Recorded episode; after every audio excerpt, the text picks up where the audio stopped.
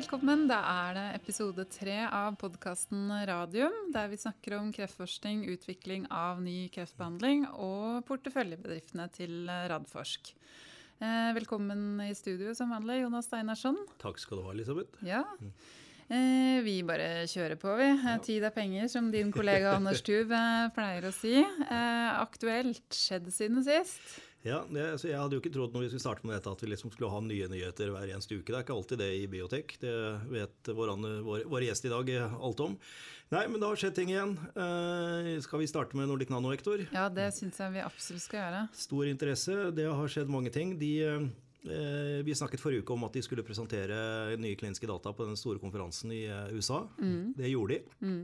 De presenterte kliniske data fra sin studie som pågår nå, som var veldig oppløftende, veldig lovende. Det går bra med pasientene, og det ser ut som de nå har funnet den dosen de skal gå videre med i eh, den store, endelige studien som skal starte til eh, neste år. Mm. Det ble selvfølgelig godt og positivt mottatt også i markedet. Og så kom de med enda en nyhet, nemlig at de hadde veldig gode prekliniske. Det betyr altså at de testet ut på mus, ikke på mennesker. Men data fra en kombinasjon av sin medisin betalutin og en medisin som allerede er på markedet for den indikasjonen, som heter rituximab, mm. men som angriper på to forskjellige steder. Det er to mm. forskjellige typer antistoffer og antistoffbindinger. Og det ser ut som den kombinasjonen kan være veldig spennende. Mm. Uh, og da har de bestemt seg tydeligvis for at dette skal de ha ut i klinikk og prøve på pasienter så fort som mulig. Men det koster penger. Mm. Så de laget et lite stunt her for to dager siden, og i løpet av en times tid hentet inn 500 millioner kroner ja, til utrolig. å Halv gjøre den studien. Halv milliard norske kroner. Det betyr at de nå har muskler til å gjøre også den studien. Så det er kjempespennende nyheter. Ja, ja virkelig. Det er veldig morsomt. Eh, jeg får nyhetsbrev eh, eller børsmeldinger fra Nordic, og det jeg tror nesten jeg har vært oppe i to om dagen siste uka. Ja, det har vært, uh, det har vært voldsomt. Det er jo en del selskaper som eh, kommer stadig vekk med nye børsmeldinger. Det kan vi komme tilbake til etterpå. Ja, det kan vi gjøre. Uh, og så har vi nytt om DNV sin helsepris på 1 million kroner. For der er de seks finalistene klare. Og en av de som er med i finalen, de kjenner du godt, Jonas? Ja, det var jo, Vi sa det forrige uke at vi var spent på det. Onko mm. Invent mm. har uh, kommet til finalen. Ikke ukjente Roy Larsen og Øyvind Bruland, Gjengangere. som, gjengangerne som også står bak Algeta og Nordic Nanovektor, som har laget et nytt selskap som vi er så heldige i stiftelsen å få lov til å være med i. Mm. De skal i finalen, så det blir jo spennende å se hvordan det går. Det er 15.12., som sagt, ja. nede på DNB sitt hovedkontor i Bjørvika. Eh, men vi kan snakke litt mer om Oncoinvent. Fordi jeg leste meg nemlig litt opp eh, på hva de skal gjøre her om dagen. Og da ble jeg ganske overraska, for nå satser de ikke på kreftmedisin. Det er, ikke sånn regulatorisk, nei, regulatorisk eh, sett, i hvert fall. Regulatorisk så er det en uh, annen vei å gå med det. Å få det klassifisert som det som heter Medical Device klasse 3. Mm. Og det er et mhm. helt annet regulatorisk løp. Det vet vi jo ikke enda om de, de lykkes med det. Nei. Men det er tilsvarende, la oss kalle det medisiner, mm. som er godkjent som det tidligere. Bl.a. et australsk selskap som bruker nøyaktig det samme prinsippet. Og de har fått det godkjent som det. Eh, og resultatet av det, hvis de får til det, er jo at eh, veien til markedet er kortere mye og mye billigere enn er å utvikle et fullt legemiddel. Ja. Og, det, og, det, jeg skjønte de satset på nå, det var å ta kreft som, er, mm, som har spredning til bukhulen.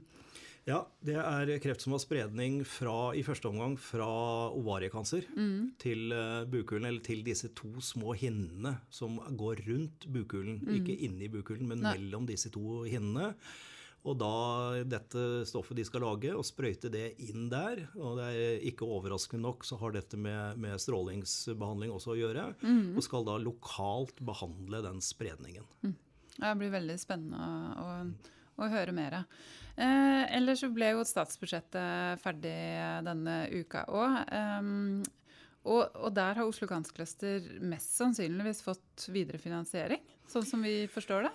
Ja, jeg prøver å tolke det. Jeg tolker det sånn. Mm. Det er satt av 10 millioner kroner i tillegg til dette klyngeprogrammet som jo Oslo Cancer Cluster har hatt eh, penger fra Norwegian Center of Expertise nå i ti år, men som mm. går ut i juni til, neste år, som, har bekymret oss litt for at uh, Kjetil Widerberg Ikke bare og co. relativt Ganske mye. mye. Ja, jeg har vært ganske tydelig på det tidligere, hva jeg mener om det. Eh, For å sørge for driften av selve foreningen. Og Mm. det er så viktig at den foreningen er uavhengig og også får offentlig støtte. Og sånn jeg leser det, så har eh, Venstre med, ved Kjetil Kjenseth klart å få inn en post på 10 millioner kroner som Mm. skal støtte driften av helseklynger, Mm. som det står i budsjettet. Og Oslo Cancer Cluster er jo absolutt en av de. Det er vi definitivt. Eh, men det, akkurat det her blir vi kanskje litt klokere på neste uke, dvs. Si den 13. desember, Lucia-dagen. For da skal Oslo Cancer Cluster feire sitt eh, tiårsjubileum. Ja, Ja, ti år går fort. det går veldig fort. Du og jeg har mimra litt. Ja, vi har mimra litt og bladd litt tilbake. Vi har jo også driver og planlegger Ramsdals forskningsstiftelses jubileum, 30-årsjubileum til neste år. Så det blir mye mimring. om, eh, om eh, dagen. Ja. Men det blir kjempespennende. Eh, Det er jo fantastisk morsomt at vår alles statsminister Erna Solberg kommer og åpner dette. Hun Ja, var jo her er og åpnet. Mm. Innovasjonsparken for et år siden, så det syns vi er hyggelig. Ja, det er veldig hyggelig. Vi tror det blir veldig, veldig morsomt. Så, og det er fremdeles ledige plasser hvis noen ønsker å, å komme. Bare gå inn på nettsiden til Oslo Ganskløster og melde seg på. Da, Jonas, skal vi åpne en ny spalte. Ja, det er spennende. For vi har faktisk lyttere. Ja, det er jo helt utrolig. Tro det eller ei. Eh, og de, det er veldig kult, for det her har vi jo ikke oppfordra til, men de kommer jo faktisk med henvendelser på sosiale medier. Eh, vi er jo på Twitter begge to, eh, vi har Facebook, eh, så det er bare å fortsette med å komme med om det er spørsmål, konkrete spørsmål, eller om dere har innspill til tema og gjester. Og da er det to henvendelser jeg har fått nå. Og det første var om ikke vi kunne prate litt mer om Targovax. Ja, det kan vi gjøre. Vi skal invitere sjefen der, Øystein Saug, som også var med på Algeta-eventyret. Ved en senere anledning så skal vi gå i detalj. Men eh, veldig kort, de har to forskjellige teknologiske plattformer. Ja. Men selvfølgelig begge to innenfor immunterapi. Den ene er eh, en søster av det vi snakket om i forrige episode med Øyvind Arnsen og Ultimovax. Det er også en kreftvaksine, en terapeutisk kreftvaksine.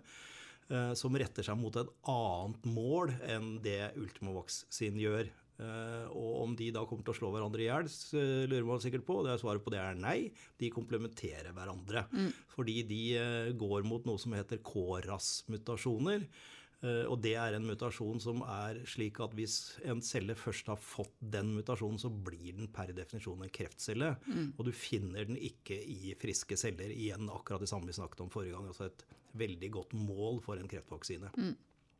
Der har de eh, gjennomført eh, en klinisk studie, en fase 1-2-studie, som eh, de har rapportert overlevelsesdata for eh, snart et eh, år siden. Eh, Jeg skal ikke kommentere data, siden Nei, jeg er er styreleder. styreleder der. Du må være forsiktig, for Men de er på Men de kommer med overlevelsesdata på toårsoverlevelse i mars. Mm. Så det blir spennende å se hvordan det går. Så har de et, en annen plattform, som er noe som heter onkolytisk virus. Eh, Tanken og ideen er den samme. eh, Men dette viruset så skaper også slike immunologiske reaksjoner som da setter i gang eh, immunapparatet til å drepe kreftceller. Og de bruker sin medisin, det vi kaller intratumoralt. Dvs. Si altså at vi setter ikke medisin i huden, eller vaksinen i huden som vi gjør med de andre, men går og sprøyter det direkte inn i krefttumoren. krefttumoren. Og grunnen til at de har to så forskjellige tilnærminger, er jo fordi det er en merge av to ulike selskaper, henholdsvis fra, fra Norge og fra Finland. Det er helt riktig. Eh, Targovax er et selskap som Radforsk stiftet sammen med, med Jon Amund Eriksen og Gustav Gaudak for en eh, del år siden, eh, som vi har gått tungt inn i. Og dette finske selskapet hadde Healthcap gått tungt inn i, og vi har jo samarbeidet med Healthcap både om Algeta, Nordic Nanovektor. Eh, og da fant vi ut at vi kanskje skulle slå sammen disse selskapene. Det gjorde vi, og børsnoterte Targovax. Mm, kjempespennende. Eh, Det andre spørsmålet som kom her, var om ikke vi kunne invitere Roy Larsen og Øyvind Bruland i studio. Det skal vi selvfølgelig gjøre. Absolutt. Det er Mye å prate med de to gutta der om. Ja. Eh, Så det, men det får vi komme tilbake til. Yes, Da er vi på siste post, men kanskje mest spennende post eh, i denne podkasten. Og det er da ukens tema. Og denne uken så tar vi for oss fotokjemisk internalisering, som det så pent heter. Og vi har en gjest, eh, Per Veldai. Veldig hyggelig å ha deg i studio. Takk, takk Ja. for invitasjonen. Bare hyggelig. Eh, Du er da administrerende direktør i PCI Biotech. Det stemmer. Ja, Og PCI, hvis du sier det på engelsk Eh, Photochemical internalization. Ja, nettopp. Så fotokjemisk internalisering. Et langt og vanskelig ord, men ikke så vanskelig teknologi. Nei. Hva, hva går det ut på, da? Hvis du skal Det går- forklare det. Det går egentlig helt enkelt ut på at alle celler har jo en cellemembran. Eh, og mange medisiner må inn i disse cellene for å kunne virke. Eh, den cellemembranen skal beskytte innsiden av cellene fra utsiden. Og derfor er den litt vanskelig å komme igjennom. Og spesielt for store eh, medisiner, store molekyler som det heter, så er dette litt vanskelig. Eh, Det alle celler gjør, er oss alle bortsett fra de røde blodcellene, spiser ved hjelp av noe som heter endocytose. Og da kan de ta opp eh, sånne store eh, molekyler, store medisiner. Men de, da sitter de fast inne i et slags spisesystem inni cellene. Og det vi har, er rett og slett en, eh, en fotokjemisk substans, altså en substans som aktiveres av lys. Og den akkumuleres, den, den setter seg fast på innsiden av disse disse tarmgreiene, man kan kalle det for, kapsler som er inni celler. Og når vi da lyser på et vev som, der vi har gitt dette, så vil disse åpnes, og det som er tatt opp, kan da lekkes ut. Ja. Og lekke ut i cellen og virke. Så medisiner som blir fanget i sånne kapsler, kan vi frigi. Så det blir en målstyring, rett og slett? Det blir en målstyring og en rent fysisk målstyring, For at vi, vi lyser der hvor vi vil, at, vi vil at det skal skje. Så hvis du har en tumor, eksempel, så kan vi lyse på tumoren, og da få frigitt det som er blitt tatt opp ved hjelp av endocytose, som det heter, og sitte fast i disse kapslene som kalles for endosomer. Og da, da mister de sin integritet i den der membranen som de har, og slipper ut medisinene, og medisinene kan virke. Eh, dere er jo da et eh, datterselskap av Photocure. Spunnet ut av? Ja, vi er ikke, men Nei, vi var. spunnet ut. Dere var. Ja. Det Mhm. stemmer. Det var en teknologi som ble kjøpt av, eh, av Fotokur i begynnelsen av 2000-tallet, Mhm. og som var et datterselskap frem til 2008. Og da eh, fant vel eh, egentlig Fotokur ut at eh, denne teknologien var litt forskjellig fra det de drev med, Mm. og så på muligheter for enten å selge teknologien, eller å spinne den ut, eller å finansiere den selv. Og fant ut at det beste for den teknologien var å få dedikert management og en dedikert investorbase Mm. for å virkelig kunne utvikle den så godt som mulig. Mm. Så da beholdt de en relativt stor eierandel, og så spant de det ut, så vi ble da notert på, på Oslo Børs, Oslo Aksess, i 2008. Mm. Eh, og nå er dere nettopp ferdig med fase én. Ja, Vi har kjørt eh, en, først en fase 1-studie i eh, alle mulige slags eh, kreftformer, egentlig, sånn som man ofte gjør i, innenfor kreftforskning. eh, På noe som heter University College Hospital i London. Eh, Og den, den ble publisert i et veldig godt tidsskrift eh, nå eh, helt nylig. Mm. Og ut fra de resultatene så har vi først startet en studie i det som heter hode-halskreft. Eh, Og den har vi etter hvert stoppet av forskjellige grunner. Og så har vi eh, etterpå startet en studie i det som heter gallegangskreft. Som er en relativt sjelden Ja, det er nok ikke så mange som har hørt om det. Nei, Kanskje ikke så mange som veit om at de har en gallegang en gang. Hvor sitter har vi, denne? alle sammen har en gallegang. Ja. Og den er viktig. Den sitter eh, i Den går fra leveren og ut inn i tarmen. Så den, det galle gjør, er å passe på at fett kan brytes ned i tarmen. Eh, Og det tar da også bort det som heter bilirubin fra, fra blodet. Eh, Og hvis man ikke har en fungerende gallegang, så vil man få opphopning av det stoffet som heter bilirubin. Og da blir man gul. Og da, da heter det at man har fått gulsott. ja. ja det, det er, vil man ikke ha. eh, Ja, det vil man ikke ha. Og det er ofte det som kan skje med disse pasientene som har gallegangskreft. De har altså fått kreft inne i selve den gallegangen som går fra leveren og ut i tarmen. Og da blokkeres den veldig ofte. Og da kommer ikke gallen ut. Du får opphopning da i blod, og så får pasientene kommer inn fordi de har fått eh, gule øyehviter, rett og slett. Oi. Til å begynne med, og blir gulere i huden. Så det er et symptom? Det er et symptom Ja. Eh, på at det no, Det trenger ikke å være kreft, Nei, nei. Men, eh, men det er et det er symptom fall- på at gallegangen er på en eller annen måte har Det kan være gallestein, det kan være Ja. mye forskjellige ting. eh, som, som gjør at den har tettet seg til. Skjønner. Men sjekke det ut i hvert fall. Gå til legen. Ja, Mm. Hvis man har gulsott, bør man gå til legen. Ja, Mm. absolutt. Helt riktig. Mm. Uh, og det vi kan gjøre da, med vår teknologi, det er, og dette er kanskje litt sånn uh, ikke helt intuitivt å tenke, men vi lyser jo, vi må lyse på kreften. Eh, Mhm. og det er faktisk veldig enkelt å lyse inne i gallegangen. Mhm. Fordi at alle disse pasientene de blir behandlet med såkalte skop, Mm. eh, sånne endoskopteknologier. Da fører man eh, rett og slett en slags slange inn fra munnen, ned gjennom spiserøret, gjennom magen, ned inn i tolvfingertarmen og opp i gallegangen. Mm. Og der undersøker man disse med kolongoskopi. Man sprøyter inn røntgenkontrast for å se på om, om, om det er innsnevringer osv. Og man kan også sette inn stenter i disse pasientene for å holde ganglegangen åpen. Og Det vi da kan gjøre, er å bruke den samme teknologien og bare putte inn en optisk fiber, og så lyser vi fra innsiden. Så kan vi da forsterke effekten av behandlingen akkurat på gallekreften, Nettopp. og derigjennom få den til å, til å minke. Men eh, hvor mange altså på verdensbasis får det, sånn type kreft?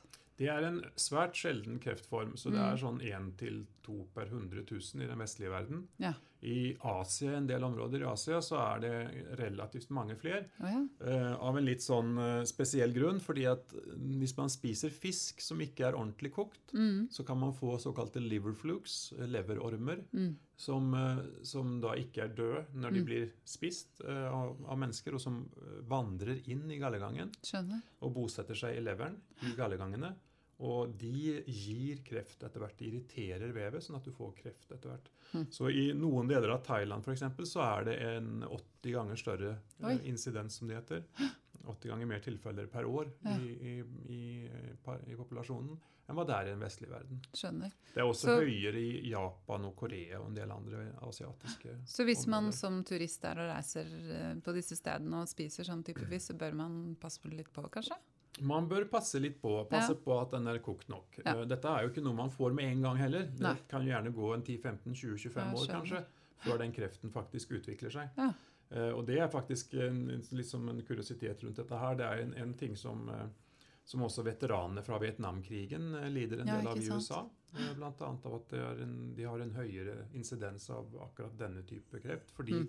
De fikk, eh, hadde ikke nok matrasjoner, kasta granater i elvene for å få fisken til å flyte opp og dø. Og Mm. hadde ikke eh, materiale og, ting til å koke den godt med, så de prøvde å brenne den litt over sånne blå flammer. Mm. eh, Og spiste det. Og en del av de har nå fått problemer med gallegangskreft, som Mm. er en sjelden kreftform. Mm.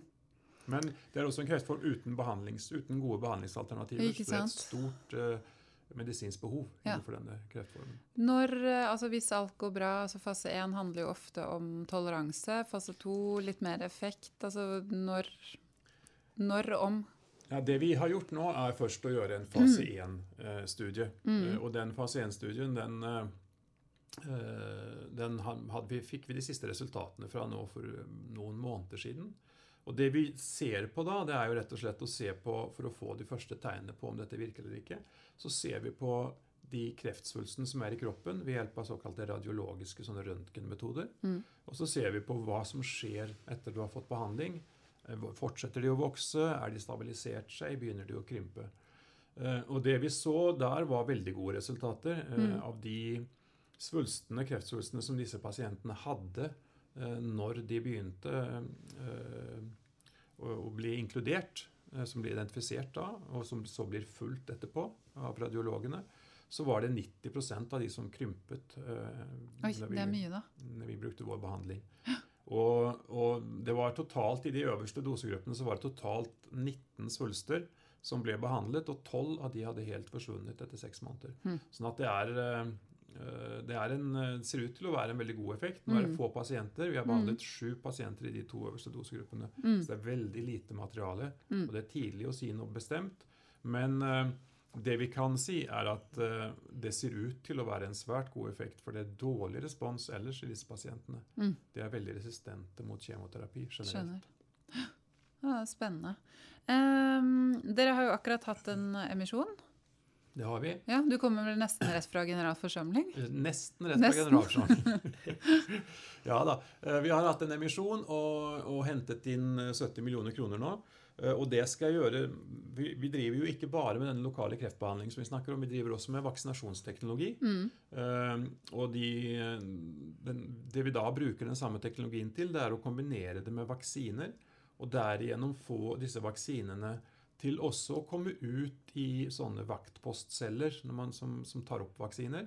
eh, I deres cellekropp, på en måte, og redirigere responsen som du får, immunresponsen, så det blir en større cellulær respons, og det trenger man da når det gjelder terapeutiske vaksiner. Så det vi ønsker å se på, er å utvikle dette som en plattformteknologi for kreftvaksinering. rett Og slett. Og da har vi startet en fase 1-studie i friske frivillige, der vi bruker to helt vanlige antigener, altså type vaksiner, eh, og så måler vi bare immunresponsen, så det er ikke syke pasienter, det er friske frivillige. Ja, For å Eh, se om det skjer noe. For å se om om vi får immunrespons. Ja. Eh, Vi ser fantastiske responser i mus, Mm. og det ønsker vi nå å få translatert over i mennesket. Mm. Og de pengene her skal brukes til å ferdigstille den studien. Mhm. Da har vi fått en, det man kaller for en clinical asset, altså en, en, en klinisk tilgang som, som vi vet fungerer. Mm. Og det er av stor verdi Mm. Når du skal gå videre og diskutere med mulige partnerskap med selskaper som driver med vaksinasjon og kreftvaksinasjon. Men dere har et pågående samarbeid med Ultimovax, Vi har sant? et pågående samarbeid med Ultimovax der Mm. vi tester preklinisk vår teknologi med deres peptidvaksiner. peptidvaksiner. Så Det er studier som pågår akkurat nå. Mm. Veldig spennende. Eh, og I tillegg så skal vi bruke disse pengene til å avklare hvordan vi skal gå videre. Nå fikk vi så, altså Fase 1 er jo primært en safety, som du sa. Mm. Du ser på sikkerhet, tolereres dette av pasientene. Mm. Nå fikk vi eh, fantastisk gode efficacy-resultater. Det er ikke veldig vanlig at du får i fase 1. Mm. Eh, og, men det stiller oss i en litt annen posisjon, så vi har på en måte stoppet litt opp nå og begynt å ta kontakt med myndighetene. Mm. Både de europeiske og de amerikanske. Og Hensikten med det er jo rett og slett å få diskutert med dem hva skal til for å komme på markedet. Mm. Dette er en eh, Hvor fort kan det kjøres? ja, Hvor fort kan det kjøres? Hvor mye data trenger vi? Mm. Og hva slags endepunkter eh, er, vil, er vi nødt til å vise for at de skal godta at dette kan bli et markedsført produkt? Og Her snakker vi om en sjelden kreftsykdom som er svært dødelig. Det er Mm. gjennomsnittlig overlevelse på tolv måneder etter diagnose. Just Eh, Og, og det finnes ingen godkjent behandling for dette i dag. Mm. Så det som brukes i dag, er såkalt off-label use. Altså man bruker ting som er godkjent for andre kreftformer, Mm. og som har vist seg å ha en viss funksjon Mm. eh, innenfor denne kreftformen også. Men det finnes ingenting som er godkjent. Så vi tar alle de dataene vi har, og vi går til myndighetene og prøver å forhandle om dem på at vi skal få et så fornuftig løp som mulig, så at Mm. dette kan komme pasientene til gode så raskt som mulig. Er det det man kaller en så, såkalt fast track? Ja, det har forskjellige navn, Ja, eh, disse okay. tingene. Eh, Det er, I Europa har man noe som heter prime, som er rett og slett at eh, myndighetene ser at det her er noe som er et stort behov for, og du vil gjerne hjelpe selskapet. og Da går man hånd i hånd nesten med myndighetene. Mm. Man har en kontinuerlig interaksjon Mm. frem til en, til en markedsføring. I, I USA snakker man mye om breakthrough designations okay. uh, osv. I tillegg så får man det som heter orphan designation når det er sjeldne sykdommer. Mm. Så alle disse tingene jobber vi med for tiden for Mm. å få på plass med de regulatoriske myndighetene. Veldig, veldig spennende. Uh, er det noe annet som skjer hos dere? Dere sitter også i Innovasjonsparken. Vi sitter her, ja. Ja, Flyttet I inn i etasje. januar inn i år. eh, Snart et år nå. Ja, Mm -hmm. uh, Hvor mange er dere blitt? Vi er ti stykker. Eh, Og så har vi jo et tett samarbeid med Radiumhospitalet og med forskningen her. Mm. Så det er veldig fint for oss å, å være her også av den grunn. Fordi Mm. at vi har pågående forsøk i selve forskningsbygget som er rett rundt hjørnet. Mm. Eh, og da å ha den nærheten og kunne møte de menneskene regulært er, er en, stor, en stor fordel. Mm. Og I tillegg så har de jo da Ultimovac, som vi har et samarbeid med i etasjen rett over. Uh, og vi har hos en av våre største investorer, som er Radforsk, Mm. en veldig god støttespiller, som sitter også i etasjen over. sånn at det er eh, i det hele tatt en veldig godt miljø å være i. Mm. Og I tillegg er så er det mye aktiviteter som skjer her. Mm. Og vi har nå flyttet sånn at vi prøver å ha kvartalspresentasjoner og generalforsamlinger og sånn også her i huset. For å dra folk inn hit også. Ja. Ja, og det er veldig viktig. Det er jo det, det, er jo det vi vil, Jonas. Det setter vi pris på. Ja. Vil du at folk skal komme hit? Absolutt. Ja, slipper vi å dra så mye rundt. Eh, dere skal presentere på DNB Healthcare-konferansen? Nei, vi skal ikke. ikke, presentere på. Vi, ikke. nei, vi er Nei. ikke invitert til det i år. Nei. Det, var, eh, det, er en, eh, det er jo en nordisk sammenkomst, Ja, det her. Og når de satte opp det programmet, så, så hadde de ikke plass til oss Nei. denne gangen. Men når er neste gang man eventuelt kan eh, se og høre deg Hvis man drar til San? Francisco under Ja. JP Morgan, så kan man eh, Januar? høre Den dummeste tiden å reise til San Francisco, kanskje? så kan man høre vår uh, presentasjon. Eller Ja. så blir det sikkert på Bio Europe, eh, som uh, vel er i Paris Nei, Barcelona, Barcelona. Til, til våren. Eh, så det er, det er mange anledninger. Eller så er det, hvis man er nysgjerrig på selskapet, så er det bare å ta, løfte på telefonen og ringe. Ja. Vi har en eh, god kontakt med mange aksjonærer Mm. som følger til selskapet. Men, men eh, fortell litt om JP Morgan, for det er en ganske stor investorkonferanse, ikke sant? det er en veldig stor healthcare-konferanse, kan du kalle det for. Ja, okay. Der alle Det er en uke Mm. kan man vel si, i San Francisco. Der alle som driver innenfor healthcare, alt fra de big pharma største til, til de minste biotekselskapene, Mm. alle er til stede, rett Mm. og slett. Og investorer og banker og Det er en eh, Hele byen er bare fylt av eh, folk som har møter, rett og slett. De Ja. sitter på alle kafeer og alle restauranter og diskuterer, og de fleste har dress eh, eller Mm. er pent kledd og, og, og ser veldig ordentlig ut. Og, og viser hverandre presentasjoner. og Det er et, et, et, et det Texas, rett og slett, kan man Mm. si. Men hva får dere ut av å reise dit? Og der kan du møte alle. Ja. Eh, alle er til stede. Mm. Så det er, eh, det er både konferanser som pågår der, der du kan ha et partneringssystem, der du kan møte uh, forskjellige uh, aktører. Mm. Følge opp tidligere uh, medspillere man har, eller partnere man har. Mm. Eh, I tillegg så er det mulighet til å presentere der. Mm. Det er mulighet til å møte banker. De fleste av innenfor legal support og andre typer supportvirksomheter innenfor healthcare er også til stede. Mm. Så det, bare, det skjer bare utrolig masse. Eh, Ja. Så det er, et, det, er en, det, er en, det er en uke full av møter Ja. fra morgen til kveld. Skjønner. Det Det høres, eh, høres bra ut, men veldig intenst. Veldig intenst. Lang flyreise, og så Ja. veldig intens og lang Ja. flyreise Og så tilbake komme igjen og være litt sånn jetlagd et par uker etterpå. Ja. Ja, da. Så kan jeg fortelle også, da, når, vi, når jeg først sitter der, at vi har jo et tredje arm i dette. her. Vi, Mm. vi utvikler jo vår teknologi innenfor tre forskjellige spesifikke områder. Som vi har navngitt. Vi kaller den for FIMA-KEM innenfor lokalbehandling på kreft. FIMA-VAC på det som vi gjør innenfor vaksinasjon. Og FIMA-NAC, som er det tredje området som vi ikke har snakket om. Mm. Og det er nukleinsyrer. Nukleinsyrer er jo genterapitype ting. Eh, og det er noe som er spesielt med det, er jo at de må alltid inn i celler for å virke. Mm. Og det er alltid store molekyler. Mm. Og de har det problemet med å passere disse cellemembranene som vi kan hjelpe til med. Mm. Det er et område som vi ikke gjør veldig mye på selv, men som vi tilbyr vår teknologi til samarbeidspartnere. Mm. Og vi har et Top 10 Pharma-selskap som samarbeider med oss innenfor dette. Vi har et selskap i USA som er notert på Nasdaq, som heter RXC, Mm. som jobber innenfor noe som heter SIRNA, som er Mm. sånn å dempe eh, uttrykket av gener. Mm. Og vi har et samarbeid med Biontech, som er eh, Europas største private eide biotech-selskap, et tyskbasert, eh, som er en av de fremste innenfor mRNA, som er en type å lage proteiner ved hjelp av medisiner. Og så har vi faktisk akkurat i dag, for eh, presis en og en halv time siden, annonsert at vi har starta et samarbeid med noe som heter Eterna. Som er et uh, belgisk selskap som også en, uh, har en veldig spennende såkalt trimix-teknologi.